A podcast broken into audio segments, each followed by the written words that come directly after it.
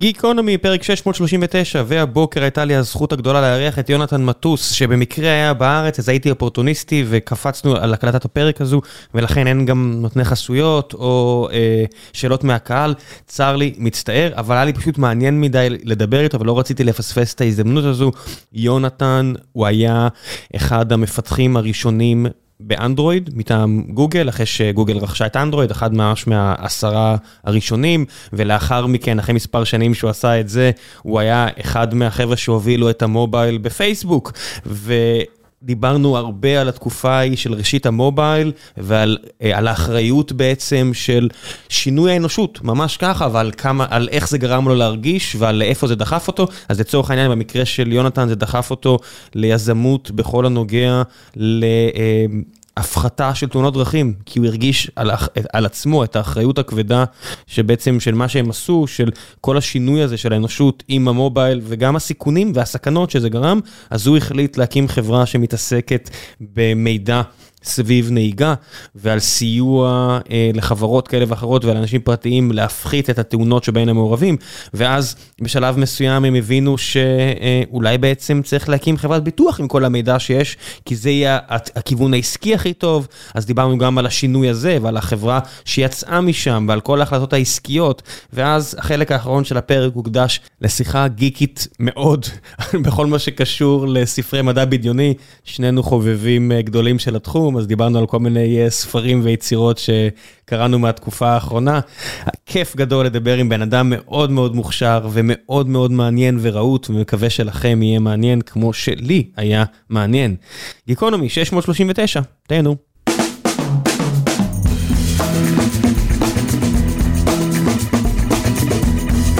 גיקונומי, פרק 638, והבוקר יש לי את הזכות הגדולה לארח את יונתן מטוס. אתה מבין? אה, התאמנו הרבה על איך להגיד את השם המשפחה שלך לפני. בוקר טוב. בוקר נהדר. מה, לכמה זמן הגעת מפורטוגל השמשית? אה, פורטוגל קצת רטובה יותר, שמונה ימים. איך, איך מצב הכבישים בפורטוגל? רגועים לחלוטין. יש, יש קטע כזה, שאתה חוזר אה, ממדינה זרה, לא יודע, לפחות אני, אני מסתכל על האוכל, נגיד אלכוהול, מחירים בסופר, כי זה התחביב הישראלי, ואיך אנשים נוהגים. זה, זה אובססיה אצלי. אני ממש יודע בכל מדינה יש לי בראש כאילו, החוויית נהיגה, כי אני מאוד אוהב לנהוג. איך זה פורטוגל? פורטוגל אה, סך הכל הרבה יותר רגוע. ישראל? אה, כן, וגם יש בערך אותה כמות של אנשים על פי ארבע יותר space, אז אה, אין כל כך סיבה להיות בלחץ ולנסות לחתוך אחד את השני, אז יש פשוט רווח בין כל מכונית, אתה יכול לנסוע ברגוע. גם בתוך הערים? בתוך הערים זה קצת שונה, אני גר בפרבר של ליסבון, אז אה, אה, זו תחושה קצת יותר מרווחת. בתוך העיר זה, אתה יודע, עיר אה, אירופאית עם רחובות צרים ותיירים, אז יש טיפה יותר לחץ. נוגעים בטלפון? נוגעים בטלפון, כן. אבל אני אתן לך דוגמה של, של איך התחושה שונה שם. נסעתי עם בת הזוג שלי בעיר, בליסבון, מחפשים חנייה, והיא באה להיכנס לחנייה וכמעט נכנסה באיזה קטנוע שעבר לידה. והקטנוע עצר, ואני אמרתי לעצמי, אוי, וואו, אוקיי, הולך להיות לנו עכשיו דרמה. אה, והבחור חזר אחורה ואמר, אה, מאוד בנימוס ובשקט, אה, סליחה, המקום שאת רוצה לחנות בו הוא לא חוקי, את תקבלי פה דוח. ואז הוא אמר גם, ותיזהרי, כי כמעט חתכת אותי. ככה זה היה. אנשים נחמדים. זהב, כן. העניין של החנייה מוסדר שם? זאת אומרת, זה נושא כן. אחר, אבל כן, זה, כן. זה, זה גם חלק מהבעיה בערים שבה החנייה לא מוסדרת, אתה יודע, אתה, לא מדברים על זה, אבל הרבה מהלחץ ו... והכמעט תאונות עם בעיר כמו תל אביב, זה בגלל שהחנייה פרוצה לגמרי, הייתה לפחות רוב השנים. כן, לא, זה, זה, זה מוסדר, יש להם uh, מין דבר שנקרא ויה ורדה, שזה מכשיר כזה שאתה יכול לשלם איתו, ואפליקציה וכולי, זה עובד יחסית טוב. אבל בכל זאת עיר, אין מספיק חניה לכולם. כן, בסדר, אתה יודע, עיר. איך הגעת בכלל להתעסק בבטיחות בדרכים? אמ, שאלה טובה, אני הגעתי לזה האמת דרך אה, עולם המובייל, שזה מין דרך כזאת לא דרך. אה, עבדתי הרבה שנים בגוגל, באנדרואיד ובפייסבוק בפלטפורמת מובייל. מה היה קודם? לפני גוגל? לא, גוגל או פייסבוק. אה, גוגל היה קודם, הייתי בקבוצת אה, הקמה של אנדרואיד. זאת אומרת, אחרי שאנדי מכר את החברה? כן, אחרי שהוא מכר את החברה, היו איזה 25 מפתחים, ואז התחילו ל... רגע, 25 מפתחים שהגיעו איתו? כן, ואז התחילו להלביש על זה אנשים מתוך גוגל, ואני בדיוק הצטרפתי לגוגל, אז הצטרפתי לקבוצה הקטנה. איזה שנה זו? 2006. 2006, זאת אומרת, זה ממש אנדרואיד 1X. אה, 1X יצא ב-2008, זה כאילו הרבה לפני. אני אני ממש זוכר את ה... אתה יודע, את ה-APIים הציבוריים הראשונים שיוצאים, אני עליהם ואומר. כן, ה-G1 וכל, כן, זה היה כן, כן. ה-HTC הראשון. ואז התחלתי מיד לשחק עליו, כן. ואתה אומר, "אה, אוי ואבוי, מה קורה כן, פה? כן, טוב, בסדר, אבל אה, אתה יודע, הכוונה לא הייתה למכור את המוצר הראשון, הכוונה הייתה להראות את ה... להתוות את הדרך לכל התעשייה. ו- וזה זה. באמת, אתה יודע, וזה יחסית מהר, אנחנו, אני ודורון ב-2012 פתחנו את אפיסל, וזה היה כבר, התחל- התחלתי לעבוד ב-2011 נגיד, זה כבר הייתה חברת מובייל נטו, כן. זה כבר היה אנדרואיד 2, בואכה 3, וזה כבר היה עולם אחר. כן. זה היה כאילו, אי, ממשקים רבים כבר השתנו, ואז אתה אומר, אוקיי, I can work with this. כן. זה היה ממש שדרוג גדול, וזה היה השלב- זה היה השלב- זה היה העבודה שלכם? כן, וג- וחוץ מזה גם התחרות עם אפל והאייפון היה מאוד מאוד טובה לתעשייה, בגלל שאף אחד לא נתקע באיזה local minimum. היה לך מהר מאוד A-B test, מה עובד, מה לא עובד, מבחינה של interface, של business strategy, של partnership, של communications, כל הדברים האלה היה לנו באמת הרבה, הרבה מאוד מידע, והתפתחו מאוד מאוד מהר. ו- בשנים האלה הבנת כאילו את המשמעות של לשים כל כך הרבה סנסורים למשל במכשירים הקטנים האלו? אה, כן, כמובן שהכיוון.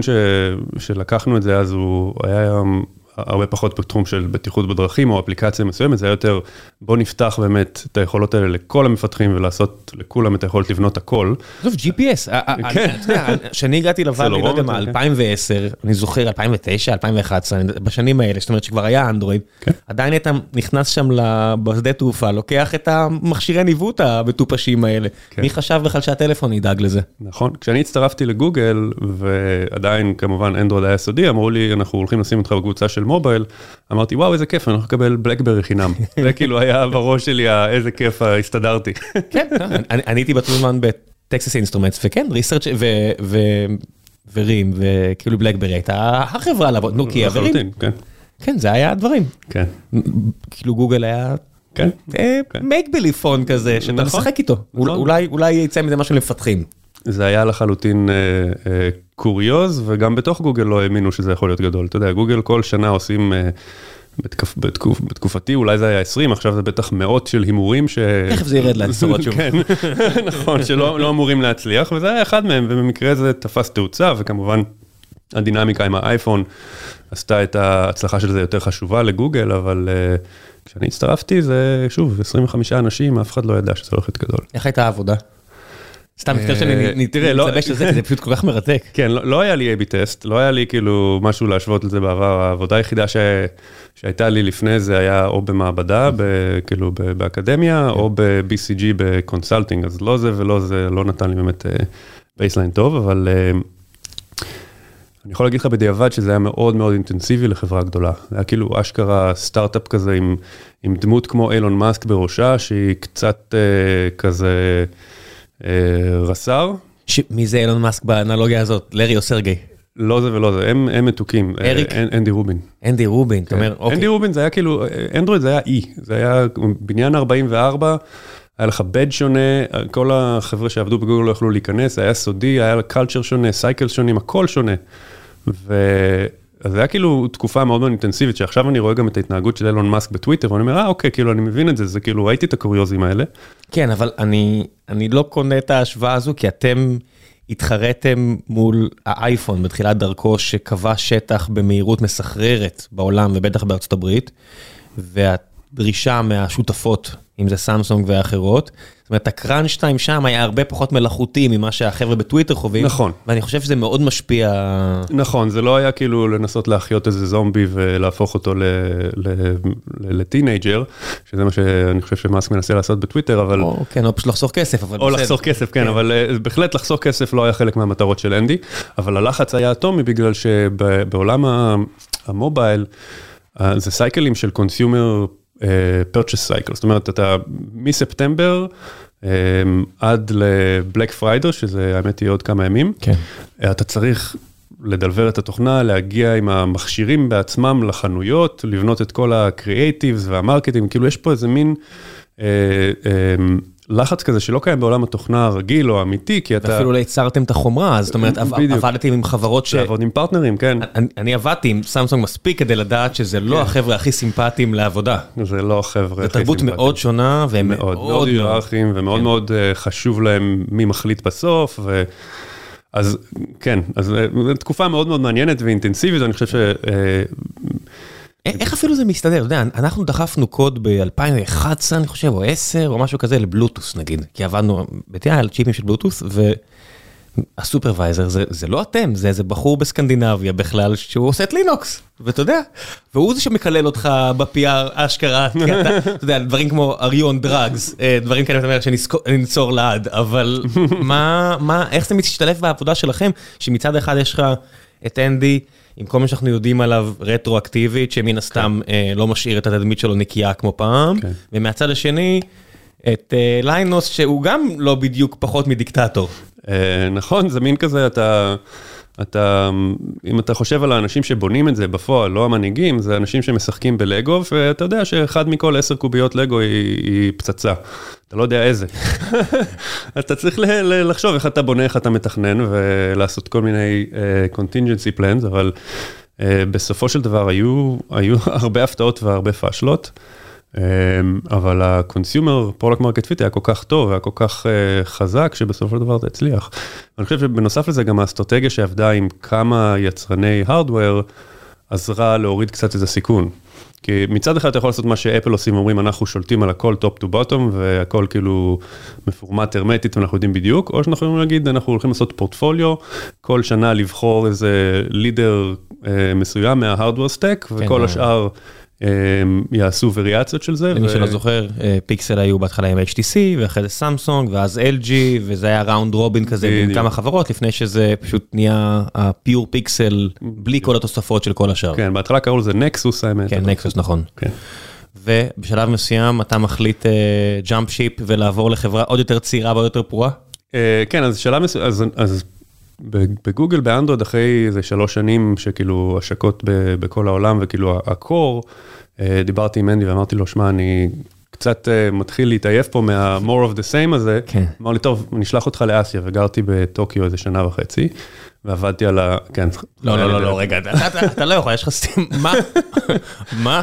כן, אה, לא, תשמע, אנדי הוא ג'פנופייל גדול, אשתו לשעבר היא, היא יפנית, והוא בילה המון זמן בטוקיו, והוא כזה גיק של אקיהברה, זה כאילו, זה חלק מהנשמה שלו.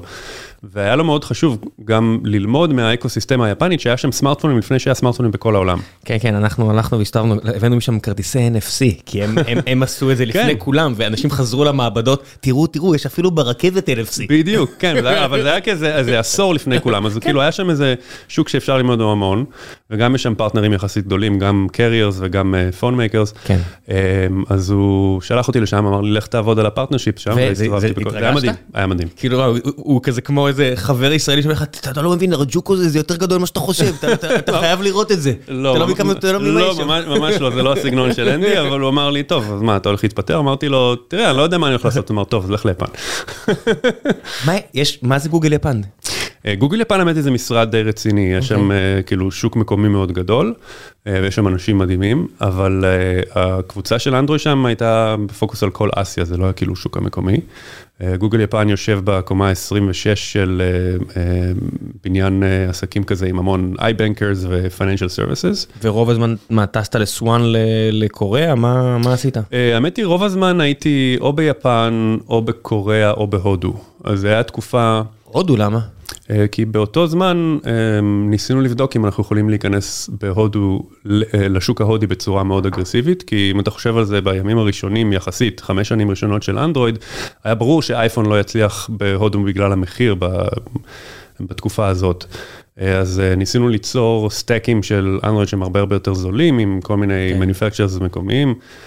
ספייס אחד מהם, כל מיני כאלה. גוגל גם השקיעו בחלק מהחברות האלה. בדיוק, אז זה היה כאילו לעבוד עם... השקעות עצומות אפילו. בדיוק, לעבוד עם, החברות טלקום ועם החברות יצרניות אה, המקומיות בהודו.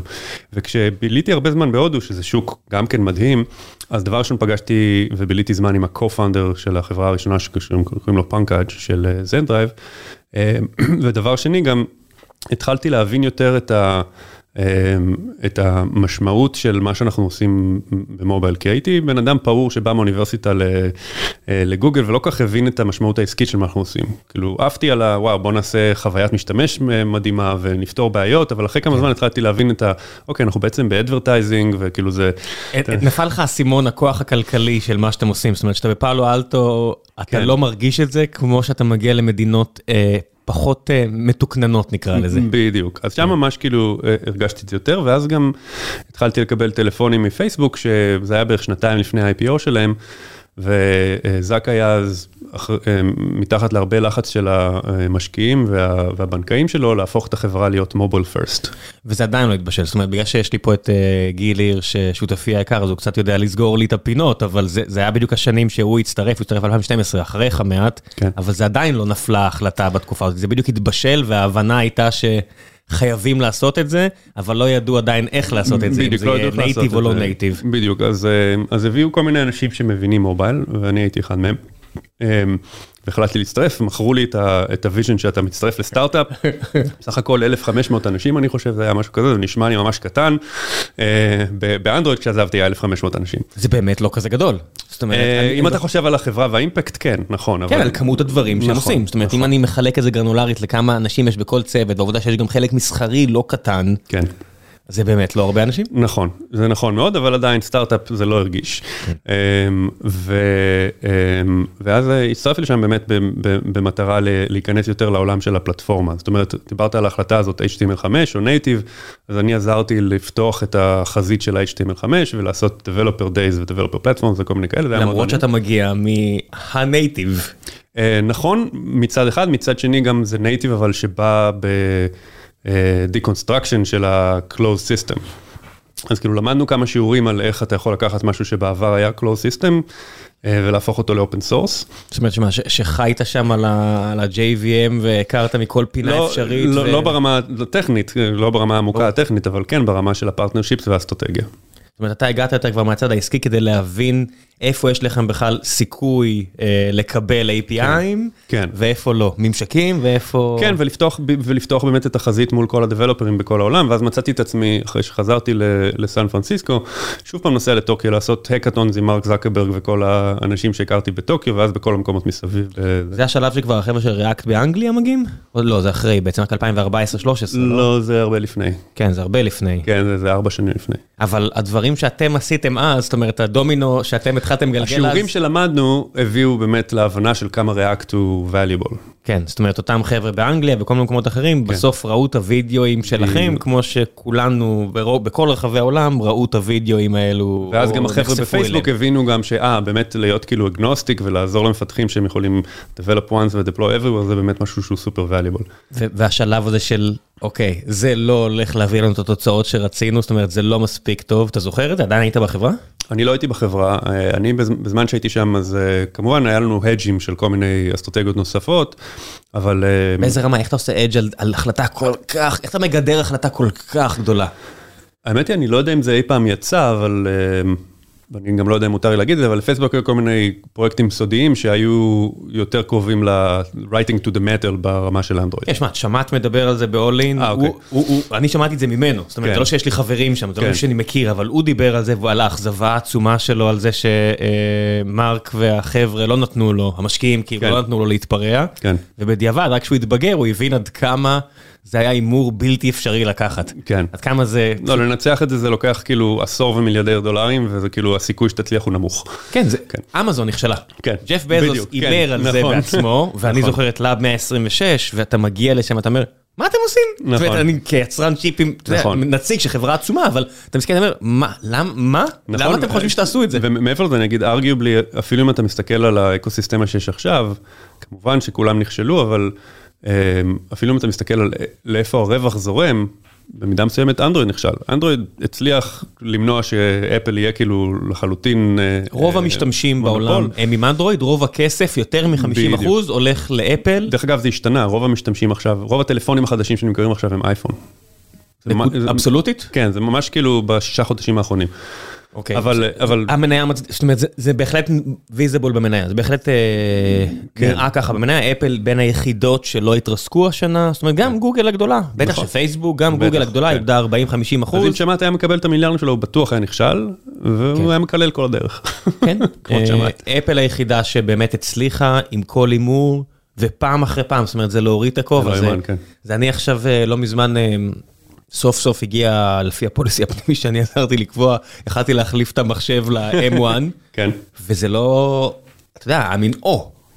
זה באמת, זה כבן אדם שאוהב ליצור דברים ולהקים חברות וכאלה, אני מסתכל, אני אומר, מה הסיכוי שהיא תצא מכונה כזו מתאגיד כל כך גדול, כן. שאני עוד מכיר אותו, החבר'ה שעבדתי כן, והוא גם מנוהל בצורה היררכית, וכאילו יש לך כל מיני דברים שם אני- שאתה- אני אני אומר לך, אנשים משוגע, כאילו כן. בלי to name names, אבל כל מוצר שיוצא משם זה חצי נס. כן, באמת, זה חצי כן. נס. יודע, באמת, ש- יש את הסיפורים שכן יוצאים החוצה, וכל מיני בכירים ישראלים כאלה ואחרים שנהיו מספר 4 בעולם, רק כי הם הצילו את האייפד פרו. כן. לכו, אתה יודע, מי שמבין מבין. זה זה, כן. ו- ויוצא, ויוצא מכשירים מדהימים. נכון, המק החדש הוא פשוט, לא יאמן שהדבר הזה קיים. כן, בדרך כלל כשאתה מתחיל להידרדר אתה לא עוצר. נכון. אף אחד לא משנה כיוון ועושה משהו ממש טוב. לא, זה באמת, וגם הם איבדו את סטיב ג'ובס, כאילו קרו המון דברים שאתה אומר, וואלה, החברה לא יכולה לחזור מאז מזה, שסטיב והם ג'ובס הלך, החברה עלתה בשווי פי 12 ולא ירדה. כן. סטיב ג'ובס עזב, אני חושב שעזב, כאילו, נפטר מסרטן, אה, שהחברה הייתה 150 מיליארד, ואמרו, מה, זהו, אין יותר חדשנות והכל, כן. ובינתיים, בוא נראה מה הם עשו. אוזניות ושעון, אנשים אומרים, זה לא מספיק מעניין, בסדר, הם עובדים עכשיו על AR, VR, טלוויזיה, מכוניות, אני לא יודע מה מזה יצא. אה, והם שינו את עולם הארכיטקטורה של המחשבים, שהשתמשו ב- ב- ב-ARM בשביל באמת לעשות פלא טכנולוגי, אבל על אמת. ואנשים עדיין אומרים, בלי סטיב ג'ובס אין חדשנות, ואני חושב שאנשים לא מבינים כמה אפל חדשנית מבחינת חומרה. נכון. פשוט כל הכבוד. גוגל ניסתה להזריק את זה עם יוצאי אפל, עם נסט ועם כל מיני כאלה, אה, שהקימו את נסט, ואז גוגל קנתה אותם, וזה, כן. ואתה באמת רואה שהחומרה של גוגל, המוצרים של גוגל, נהיים הרבה יותר טובים, נהנים פה עם, לא יודע, פיקסל 6, וזה באמת הרבה הרבה יותר טוב מהתקופה ההיא. כן. לא, אני, אני מכיר את טוני פדל, הבחור שהם הם קנו אה, את הנסט איתו, ובאמת הבחור שהשיק את האייפוד ואת האייפון הראשונים, וזה כאילו, בן אדם מדהים, איש כאילו product כן. גאון, ובאמת אני חושב שזה כמו האנשים האלה כמו... כמו אנדי רובין, שאתה שם אותם אה, בראש קבוצה ונותן להם endless resources ויוצאים דברים מדהימים. כשאתה עובד עם אנשים כאלו, ואז אתה מסתכל על בעיה כמו על תאונות דרכים, זה מכריח אותך לחשוב בגדול, כי נחשפת לאנשים שהראו לך שאפשר לשנות את העולם באמת?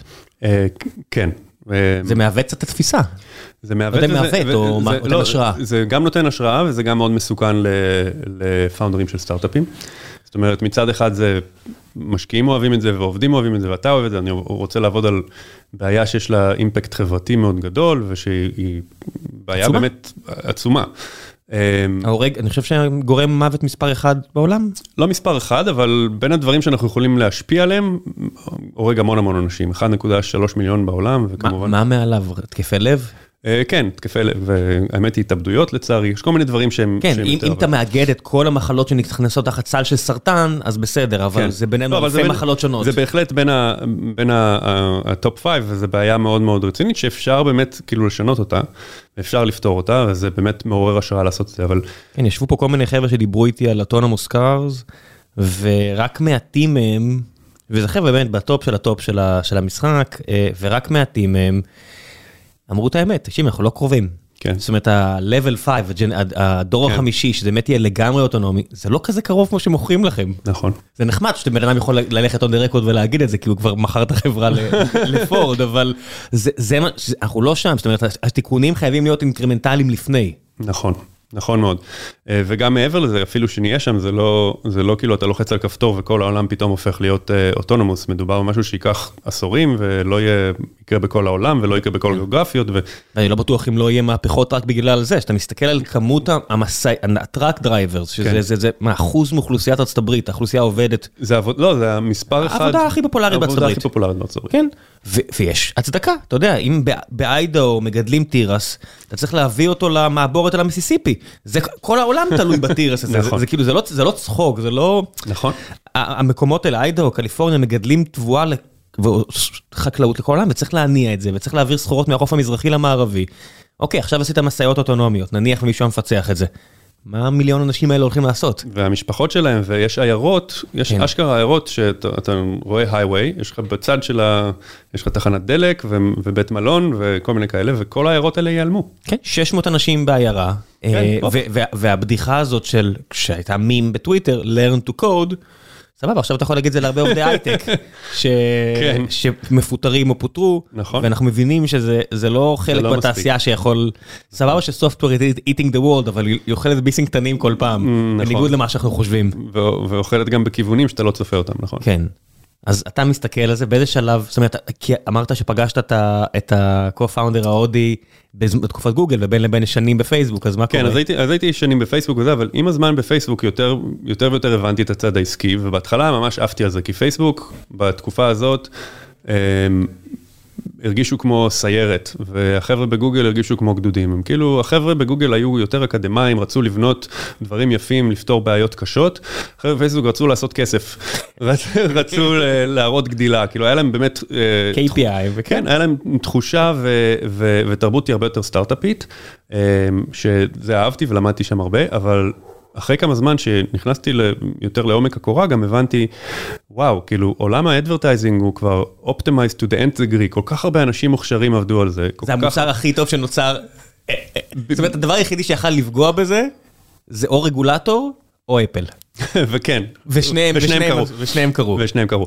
אבל אה, מה- מהבחינה הזאת אני אומר, דבר ראשון קטונתי, מה אני יכול אה, כן. לשנות פה ושיהיה משמעותי? דבר שני, מבחינה כאילו פילוסופית או פוליטית או או מבחינה של ערכים, האם באמת אני רוצה שהמטרה של החיים שלי זה שאנשים יקנו עוד ושחברות ענק או ברנדים ענקיים יהיו יותר אה, מוצלחים? לא ממש ועוד היית שלי. ב- בפינה של מי שאפשר את זה, זאת אומרת, בין מובייל בדיוק. בגוגל לבין פייסבוק. בדיוק. לא להגיד חוב קרמטי, כי לא, אני יודע. שגם אני בחרתי כן לעשות דברים דומים, אבל יש פה איזה משהו, לחלוטין מבחינת לא, לנפש. אני, אני מסכים את העניין הזה של החוב הקרמטי, וזה באמת הוביל אותי לה- להסתכל ולהגיד, אוקיי, יש לי איזשהו skillset והבנה של איזה חלק מהאקוסיסטמה, אני רוצה לחשוב על משהו שהוא באמת יותר משמעותי לחברה, והתחלתי להסתכל בצורה יותר מתודית על בעיות שאכפת לי מהן, והבעיה הזאת של בטיחות בדרכים מאוד עלתה ל-top of the top, בגלל שהיא בעיה שבשנים שהייתי באנדרואיד, בשנים שהייתי בפייסבוק, הש... הבעיה נהייתה יותר ויותר אקוטית, כי אנשים התמכרו לטלפון.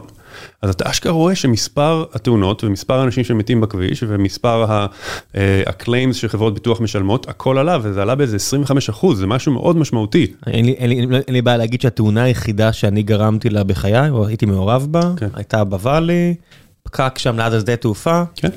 הייתי, בטלפון, אתה יודע, כי, כי כן. אני מודה, עשיתי שטות, כן. ונכנסתי עם משאית מקדימה, אז יודע, מהירות מאוד נמוכה, כן. אבל עדיין הרסתי את האוטו, והבאתי הרבה צער לנהג משאית שנלחץ מאוד, ברור. וזה נטו בגללי, כי לא התאפקתי ונגעתי כן. בטלפון. וזה בגללך, אבל במידה מסוימת, באיזה שביב מסוים של זה, זה בגלל עבודה שאני עשיתי באנדרואיד ועזרתי ל- לחבר'ה. אה, זה אני. אני מעדיף לקחת פה ownership על הטעויות שלי, אבל כן. כן. אבל אז אני אומר, היה איזה חוב קארמתי כזה, או היה איזה מוטיבציה של, אוקיי, בוא, אני, אני רוצה לתקן בעיה שהייתי חלק ביצירה שלה. אמ, ואז אה, התחלתי לדבר באמת עם כל מיני potential co-founders, וחזרתי לפנקאג', בחור ש, אה, שהכרתי בגוגל, אמ, והוא גם כן ממש עף על זה. אה, ואז כי בהודו זה בעיה עצומה. זה גם בעיה עצומה, וגם כי, גם, גם, גם בעיה עצומה, וגם כי פנקאג' הוא בן אדם מאוד מאוד ערכי. והוא מצא את עצמו, בגוגל הוא עבד על uh, uh, בעיות של uh, speech recognition, שבזמנו בזמנו היו כזה PNP problems, דברים מאוד מאוד קשים, אבל זה נפתר. כן. ואז אחרי גוגל הוא עבר לעבוד בוולמארט לבס, פתח את הוולמארט לבס של, של הודו, ועבד שם כאילו על, אתה יודע, drinking from the fire hose של טוויטר פיד, כל מיני דברים כאלה שמבחינת טכנית נורא מעניינים, אבל הוא גם שאל את עצמו בעצם, רגע, מה... מה לי ולוולמארט? מה מעניין אותי להפוך את וולמארט לחברה יותר רווחית? לא... אנשים לא מבינים עד כמה וולמרט זה מעצמה טכנולוגית, עד כן. כמה, יש להם יותר דאטה סיינטיסטים, כנראה מאלה שמנסים לפתור סרטן, באמת. זה, אני, אני הייתי בשוק שהבנתי כמה טכנולוגיה יש בוולמרט לבס. כן. אז הוא עבר איזשהו תהליך דומה לי, שהוא הוא, הוא, הוא בן אדם מאוד ערכי, והוא התחיל לשאול את עצמו, רגע, האם זה מה שאני רוצה שהיכולות שלי והזמן שלי יתבזבז עליהם, והתשובה שלו הייתה לא. אז הוא מאיפה החליט להצטרף מתחילים? אליי. זאת אומרת, בערך בשנים האלה ערן שיר עושה את נקסר, ועוד כל מיני אה, חבר'ה אחרים נכון. מנסים להגיע לאותן בעיות, אז איך אתה מתחיל? נכון, אז אה, אחד הדברים שבאמת הובילו ל-fork in the road, שערן הלך לכיוון אחד ואנחנו לכיוון אחר, זה אה, ה-assumptions הראשונות ש, שאנחנו עשינו. וה-assumptions הראשונות שאנחנו עשינו היה שבשביל לנצח, בשביל לבנות משהו משמעותי, אתה צריך משהו שיגע בעשרות מיליוני או, או מיליארדי אנשים. זאת אומרת, רצינו לעשות משהו שלפחות מבחינה של... הפוטנציאל שלו יוכל להגיע ל-ubiquity, שיוכל להיות בכל מקום. לא רצינו לפתור משהו שמתאים רק לאנשים בניו יורק, או רק בפאלו אלטו, או רק לאנשים שיש להם כסף, או כאלה. אז בוא נדבר, אז זה לא יכול להיות מצלמה, זאת אומרת, מה, מה פוסלים? אה, בדיוק, אז זה לא יכול להיות מצלמה, סביר שזה לא יהיה hardware, בטוח שזה לא יהיה connected car, בטוח שזה... לפחות לא כרגע. נכון, בטוח שזה לא יהיה autonomous vehicles לפני עשר שנים, אז לא היה לנו יותר מדי אפשרויות, אז בעצם השאלה שהמשתמעת מזה, אוקיי, אז זה כנראה הולך להיות mobile, האם זה אפשרי? אה, ואיך לעשות את זה ב-mobile. ובגלל שכל הקריירה שהייתי במובייל, אז הבנתי לא רק איפה הטלפונים נמצאים עכשיו, גם את ה-roadmap, איפה הם הולכים להיות בעוד שלוש שנים וחמש שנים ועשר שנים, אז היה לי הרבה יותר קל להגיד, גם זה אני חושב אפשרי עכשיו, וגם בטוח בעוד שנתיים זה יהיה אפשרי, ובעוד עשר שנים זה יהיה ממש קל. כן, וזה גם, פה שם ה-trail, זאת אומרת, אם אתם אומרים, אה, טסלה מתחילה להימכר בסן פרנסיסקו, ואז נורבגיה, ועכשיו סין עשיר, אז עד שזה יגיע להודו, אנחנו מדברים פה אולי 20-30 שנה. מובייל, המובייל החזק של היום, הוא המובייל של הודו עוד שנתיים בסך הכל. נכון. לא, לא הרבה יותר. בדיוק. ואז אתה, אם אתה פותר את הבעיה הזו עכשיו לעולם העשיר, מהר מאוד זה מגיע לאפריקה והודו. בדיוק. בקבועי זמן מאוד צרים. בדיוק. זה, זה מדהים כמה שאנשים שאתה יודע, יכולים לגור בכפר ו, ולהיות אה, מוכרים של קוקו, קוקונט, קוקוס בצד הכביש, יש להם סמארטפון רציני. פליטים מסוריה, ש... הגיעו לחופים של אירופה, ואיכשהו שרדו את המסע המעורר האימה הזה, ודיקטטורים רצחניים ומלחמות שמעל הראש שלהם, החזיקו סמארטפון. לא יאומן. זה תמונות שאתה מסתכל עליהן, זה תמונות חזקות, צר לי שאני אומר, זה כמעט כמו התמונה המזעזעת ההיא של התינוק ששוכב במים, mm-hmm. רק בגלל ההבנה ש... את זה, הטרגדיה האנושית הזו כולנו יכולים להבין, אבל זה שהבן אדם מחזיק את הסמארטפון, האנושות השתנתה, עכשיו מדברים על סינגולריטי מומנט, אנחנו לא, אני טוען שחצינו אותו. אנחנו הקומפניון של הסמארטפון, זה לא ההפך. כן, לא, זה כבר, אתה יודע, זה כבר פילוסופיה, אבל כן. בפועל האנושות השתנתה. זאת אומרת, נכון. אין פה, עכשיו זה רק המשחק על מה עושים עם זה. נכון.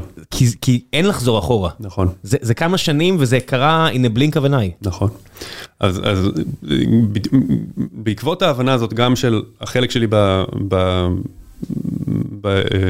במסע הזה שהאנושות עברה, וגם בבעיה שזה יצר, גם הוביל אותי ל, אה, להסתכל על זה בתור כלי לפתור את אותה בעיה.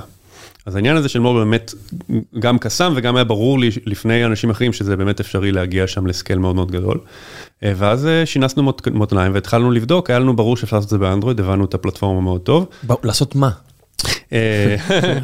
להבין את הצורה של הנהיגה בצורה מאוד מאוד מדויקת ופרטנית, לפי מידע שמגיע מסנסורים בטלפון.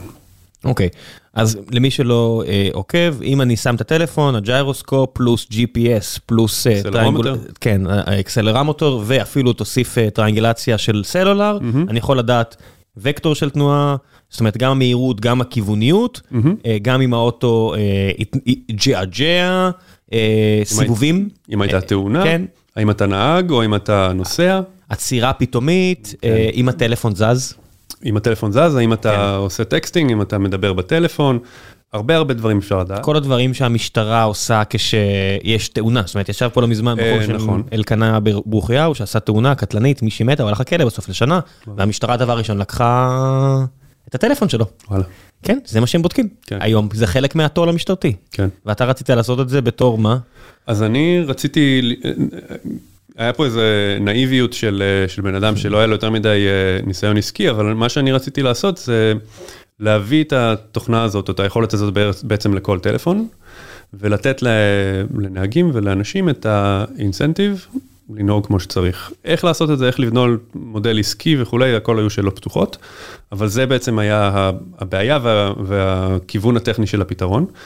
אמ, ואז השאלה הייתה, אוקיי, האם אנחנו הולכים באמת לבנות איזה אפליקציה, ולנסות להפוך אותה למאוד פופולרית, או שאנחנו הולכים לבנות Developer Platform ולהתממשק עם אפליקציות אחרות. והתחלנו שישה חודשים בכיוון של אפליקציה, ואז אחרי כמה זמן הבנו שאנחנו צריכים לעשות משהו יותר גדול מ-Waze בשביל שיהיה לנו ביזנס. ואמרנו אוקיי אם אנחנו כבר בונים משהו יותר גדול מווייז יש כל מיני דרכים לבנות ביזנס אמ, אז uh, עשינו אבסטרקציה של היכולות שלנו ובנינו את זה לתוך פלטפורמה והתחלנו לבדוק את זה עם משתמשים צד שלישי וזה עבד טוב והתחלנו לצבור מומנטום עכשיו יש לנו איזה 200 מיליארד מיילים ש, שניתחנו. שפזורים איפה? Uh, הרוב ב, בעולם המערבי, זאת אומרת uh, צפון אמריקה ו... איך הגעתם, רגע, 200 מיליארד מיילים, נגיד 350 מיליארד קילומטר, שהם על כמה unique users? Uh, אני חושב ש-all time זה כמה עשרות מיליונים, בין 50 ל-100. האם חוק המספרים הגדולים אה, עוזר לי פה? זאת אומרת, אם אני חברת ביטוח, זה מאוד עוזר לי, כי אני אדע לתכנן את הפרמיה ולספוג את זה. לוקח אחורה, לבן אדם הפרטני, mm-hmm. שנוהג בדרך שלו, האם מעניין אותו mm-hmm. חוק המספרים הגדולים, או שמעניין אותו מה הוא עושה? לא, מעניין אותו אך ורק מה שהוא עושה, וזה נכון לכל פלטפורמה, אם אין לך אפליקציה שהיא קילר אפליקיישן, אז זה לא משנה מה בנית. אמ, אז חלק מבאמת הכוח של הפלטפורמה שבנינו, זה שבנינו כל מיני... אמ, חוויות ועזרנו לחברות ליצור חוויות שהן מאוד מאוד compelling, לדוגמה, אנחנו עובדים עם ג'נרל מוטורס ואנחנו עושים crash detection, אנחנו יכולים לזהות תאונה בצורה אלגוריתמית, אז אתה לא צריך שיהיה לך באוטו, בארצות הברית משהו נקרא OnStar, זה מין חתיכת hardware שמזהה אם יש תאונה ואז מישהו מתקשר אליך ובודק, אני חושב בארץ יש משהו דומה לזה, אני לא זוכר מה השם. אמ, אבל במקרה חירום יש תאונה, אם מגיע לך אמבולנס זה יכול באמת להציל את החיים וההבדל בין אם אתה בכיסא גלגלים או יכול ללכת עם הילד שלך בים זה מתי האמבולנס מגיע. אז אה, זה תוכנה שאנחנו עושים ורצה על מיליוני טלפונים. רגע, זאת אומרת התוכנה שאתם כותבים היא, היא מה, אפליקציה לאנדרואיד?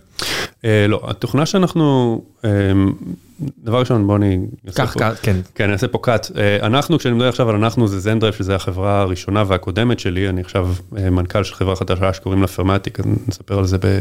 תכף נגיע. אז בוא נסגור, בוא נסגור את הסיפור של... אבל נסגור את הסיפור הזה, אז מדובר ב-SDK. Okay. אוקיי. שיושב בתוך אפליקציות של צד שלישי ונותן להם את האפשרות לעשות crash detection, לזהות תאונות. שזה שולח את המידע לשרת שלכם או שרת שלהם? כן, תלוי ב... ב... מה שהם רוצים. במה שהם רוצים. האמת היא, חלק מהכוח הגדול מאוד של מה שעשינו זה שאספנו כל כך הרבה מידע שאנחנו צריכים, לא צריכים לשלוח את התוכן, את המידע בכלל לשום שרת. זאת אומרת, האלגוריתמיקה... הכל באדג'? כן, האלגוריתמיקה שלנו כל כך חזקה וכל כך עבדה על אה, מאות אלפי מקרים אמיתיים, שאנחנו יכולים כבר לעשות את הכל באדג'. מה זה אומר לעשות הכל? מה זה הכל? זאת אומרת, אתה לא צריך לשלוח את כל המידע לסרבר, ואז לעשות לו ניתוח, ואז לשלוח בחזרה תשובה שאומרת הייתה תאונה או לא, אתה עושה את זה ב-edge, ואתה יכול להגיב יותר מהר, בעלות הרבה יותר נמוכה, וגם אם אין לך connectivity ל-5G, יש לך רק connectivity ל-GP, איך קוראים לזה? 3G? אה, כן, 3G או אפילו יותר כן. נמוך, אתה עדיין יכול לשלוח הודעה, להגיד, אני צריך אמבולנס לנקודת אה, ציון הזאת, בגלל שהייתה פה תאונה. נחמד, אני יכול לחשוב כל מיני אפליקציות שאפשר להלביש על הדבר הזה, בטח עכשיו עם סטארלינק וכל מיני כאלה שיוצא עכשיו עם אפל, אז אם כן. אתה באיזה מקום שכוח אל בארצות הברית, אני יכול לשלוח. אפל לחלוטין העתיקו את מה שעשינו. ברמה הזו? אה, אני לא, אני לא עורך דין ואני לא אומר את זה בתור אה, עניין של תביעה, אבל כן, מבחינת רעיון ואקסקיושן וזה, אין לנו כמובן לוויינים בזה, כי אנחנו סטארט-אפ קטן, אבל היכולות והרעיון וה-value למשתמש, זה דברים שאנחנו עשינו עשור לפני אפל. אבל רק באנדרואיד. לא. זאת אומרת, לא, לא, אז שאלת אותי איך, איך כן. מתחילים, הדבר הראשון שעשינו שהתחלנו זה בדקנו שאפשר לעשות את זה באפל, כי מה, להיות one trick pony רק באנדרואיד זה לא שווה. לא, לא זה, בטח לא בארצות הברית. לא. אנשים, אתה לא, לא לא יכול... מההתחלה בנינו SDK שעובד גם באנדרואיד וגם ב-iOS. והחברה באיזה שלב אתה עוזב אותה? אחרי עשור. אמ, זה ממש לאחרונה אז. כן, כן. אמ, מה, מיצוי? לא, לא מיצוי. אמ, אוקיי, אז אני שוב צריך לפתוח פה כל מיני סוגריים, אבל... אה, זה גיקונומי, זה הקטע. זה ספורט לאומי פה. אוקיי, אז, אז זנדרייב, החברה הראשונה, היא חברה שהצורה שבה היא עובדת על, ה, על המישן, על ה, לשיפור של uh, בטיחות בדרכים, זה על ידי partnership, um, על ידי עבודה עם חברות אחרות שכבר יש להם הרבה משתמשים ויש להם מודל עסקי. אנחנו עושים בעצם enablement ופותחים את אחת הבעיות ה-deep tech הכי קשות שהם לא, לא יפתרו בכוחות עצמם. וסגמנט אחד שאנחנו עובדים איתו זה סגמנט של חברות ביטוח, שזה די מתבקש. אמ, בארץ אני חושב 4 מתוך 5 חברות ביטוח עובדות עם זנדרייב. אמ, והטכנולוגיה שלנו עוזרת לחברות ביטוח לעשות כל מיני דברים, כמובן יש תאונה, זה משהו שהוא מאוד רלוונטי לחברת ביטוח, יכולה להתחיל את התהליך של ה... קליים. של התביעה, של הקליים, ולאסוף מידע על מה קרה בדיוק לפני הקליים, זה דברים שמאוד חשובים. אבל גם מעבר לזה, לדעת לחתם ולתמחר את הלקוח לפי הנהיגה שלו, זה מין סופר פאוור כזה שחברות ביטוח תמיד רצו שיהיה להם אפשרות. כן, מה שבא לידי ביטוי בשאלונים אה, כן. מטופשים ששואלים אותך, לחלוטין. וזה בעצם איבד מהטעם, וזה כבר נעשה כמכניקה די ריקה. כן, בדיוק, אז שואלים אותך כל מיני שאלות שמנסות להיות proxy באמת לדבר שאנחנו יכולים למדוד בצורה ישירה. איך אתה נוהג? כן, לחלוטין. עד כמה אתה מסוכן לי למודל נכון. העסקי. ועכשיו, בוא אני אתן לך עוד איזה קונספט שהוא כזה מאוד groundbreaking, אנשים נוהגים בצורה שונה במהלך החיים שלהם, לדוגמה, אם יש לך פתאום ילד מאחורה, אתה נהיה הורה חדש, אתה תנהג בצורה שונה ממה שנהגת לפני זה. בתקווה.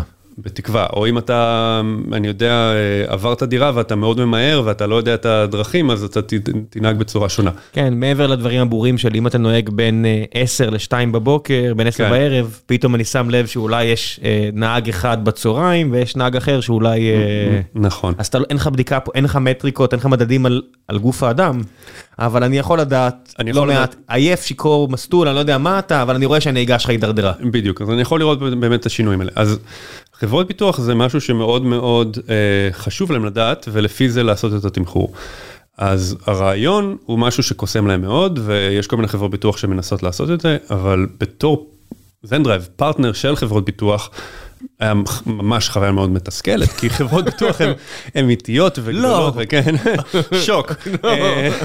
News flash, יצא מהפרק, זה כן. רץ לכל העיתונים. אמ, אבל אחת הבעיות של, שאם אתה רוצה להיות פרטנר טכנולוגי שלהם, זה שאתה לא רוצה לעב- לעבוד בסייקלים שלהם. זה לא הגיוני להיות חברת טכנולוגיה שלא מקבלת פידבק על האם הטכנולוגיה עובדת או לא, עד ששנתיים וחצי אחרי שהוצאת את ה product. זה, לא, זה כאילו אי אפשר. לעשות כלום. כן, במקרה הטוב.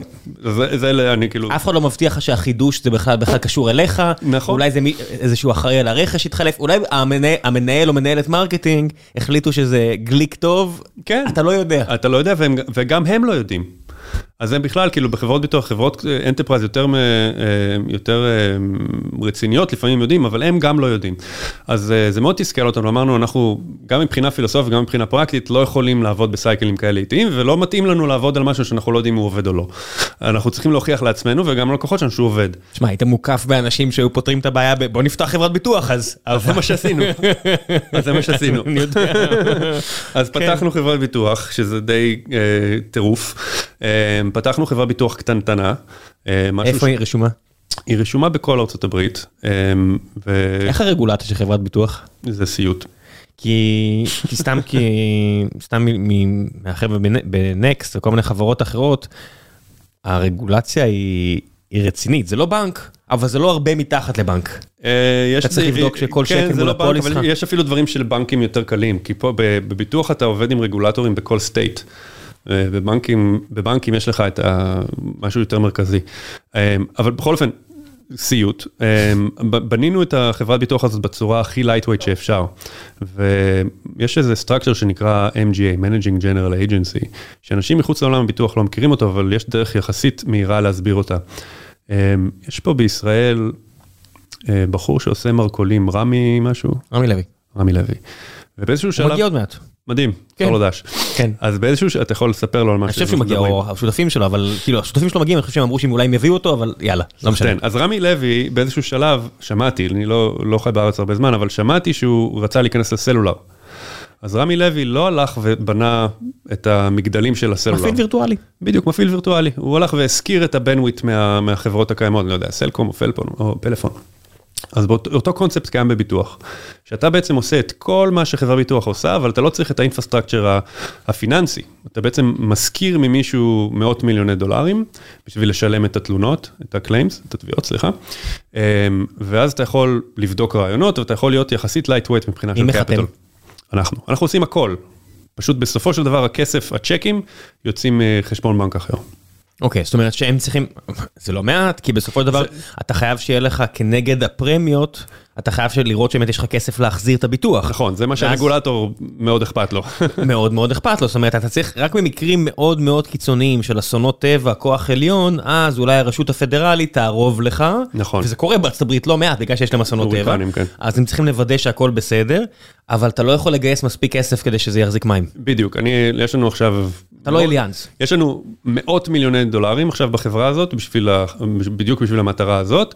אם אנחנו צריכים לגייס את זה מ- משוק ההון, משוק ההון לא, זה סיכון, לא, זה זה בלתי לא, אפשרי. זה, לא, עזוב, זה, זה, לא, זה לא הגיוני כן. לקרן הון סיכון להביא לך את הכסף הזה. נכון, לא- ה-ROI הוא לא... כן. לא, ואם אתה לוקח את זה כדט, אז בכלל החברה שלך מתה. נכון. אם אתה לוקח את זה כאקוויטי, החברה שלך מתה. נכון, אז זה לא חברה שלך.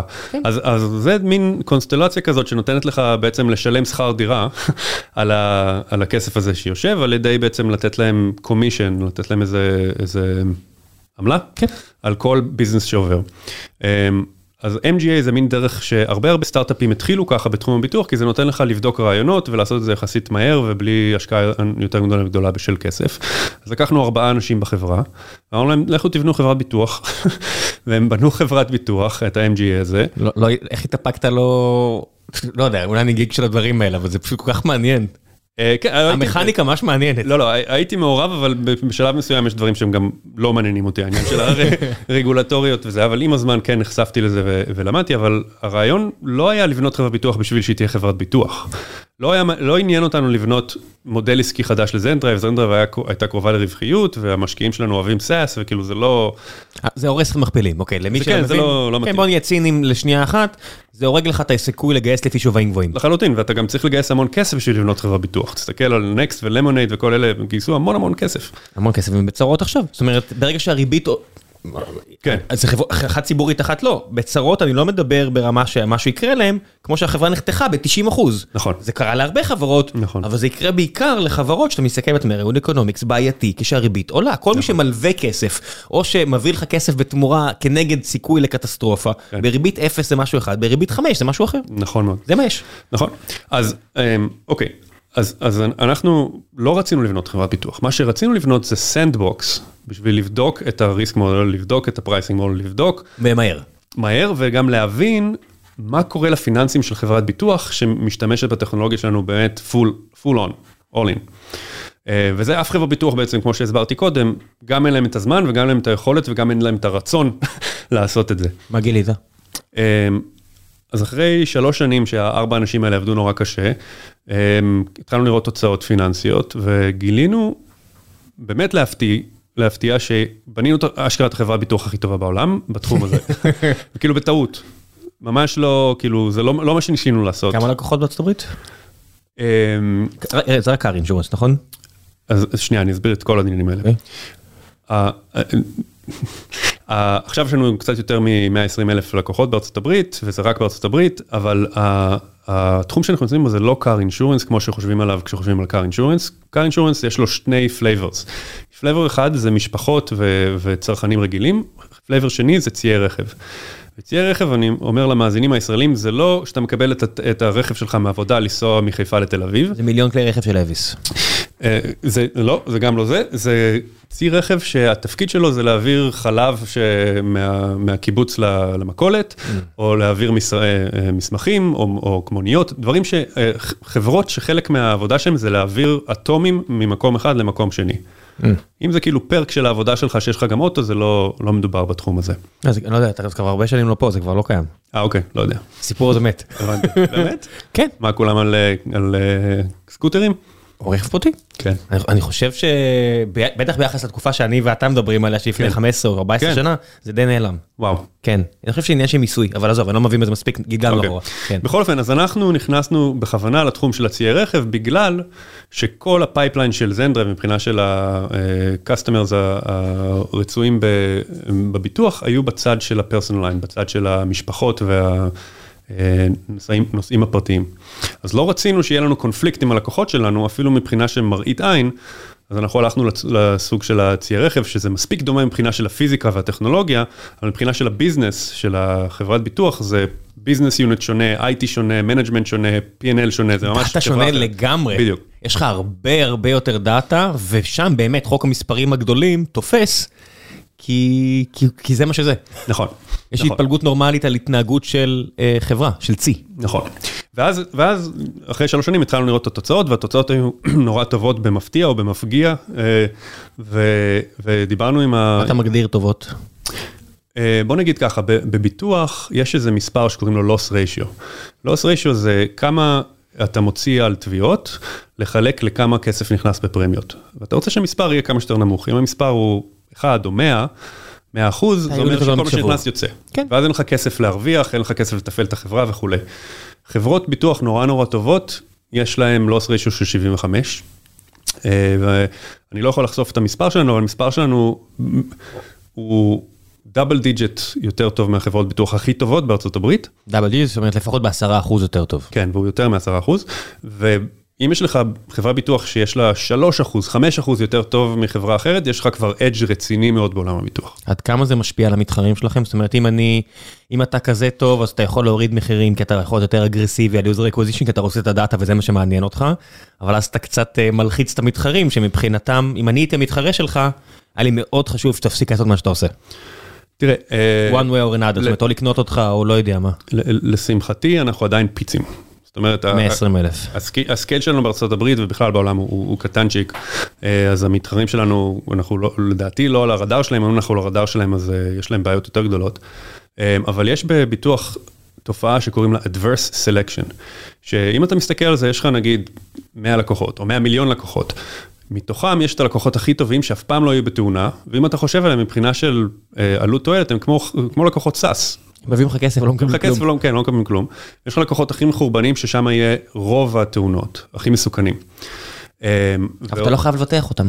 בדיוק, אתה לא חייב לבטח, אבל חברות ביטוח רגילות לא יודעות מי טוב ומי לא טוב, רק אחרי חמש שנים או משהו כזה שהם אה, מבטחים אותם, בעצם מגלים בדיעבד מי, מי היה טוב ומי לא היה טוב. וחברות שהן קצ... ביטוח שהן טיפה יותר טובות מחברות אחרות בלבחור לקוחות טובים, לבחור risk יותר טוב, עם הזמן ה performance שלהם יהיה יותר טוב ושל המתחרים שלהם יהיה פחות טוב. ה adverse אה, selection זה אומר, ה-average customer שנכנס לחברה ביטוח שלך הוא פחות טוב מהממוצע, ועם הזמן אתה נכנס למין death spiral, spiral כזה, כי מאוד מאוד קשה לצאת מזה לחברה ביטוח. כשאתה מדבר על, אתה מדבר על לוגוים, על צי, או על נהג בצי? בעיקרון אנחנו מדברים לא רק על נהג בצי, אלא על נסיעה של הנהג, כי כמו שאמרתי, נסיע, הצורה שאנשים נוהגים יכול, יכולה להשתנות, אבל זה הכל אבל אה, אתה בסופו מתכנן את. הפרמיה שלך הרי, אבל בסוף יש מנהל רכש בצי הזה, כן, ואתה לא יכול להביא לו דבר- עכשיו טבלאות על גבי טבלאות, אני צריך לחתום על משהו יחסית פשוט.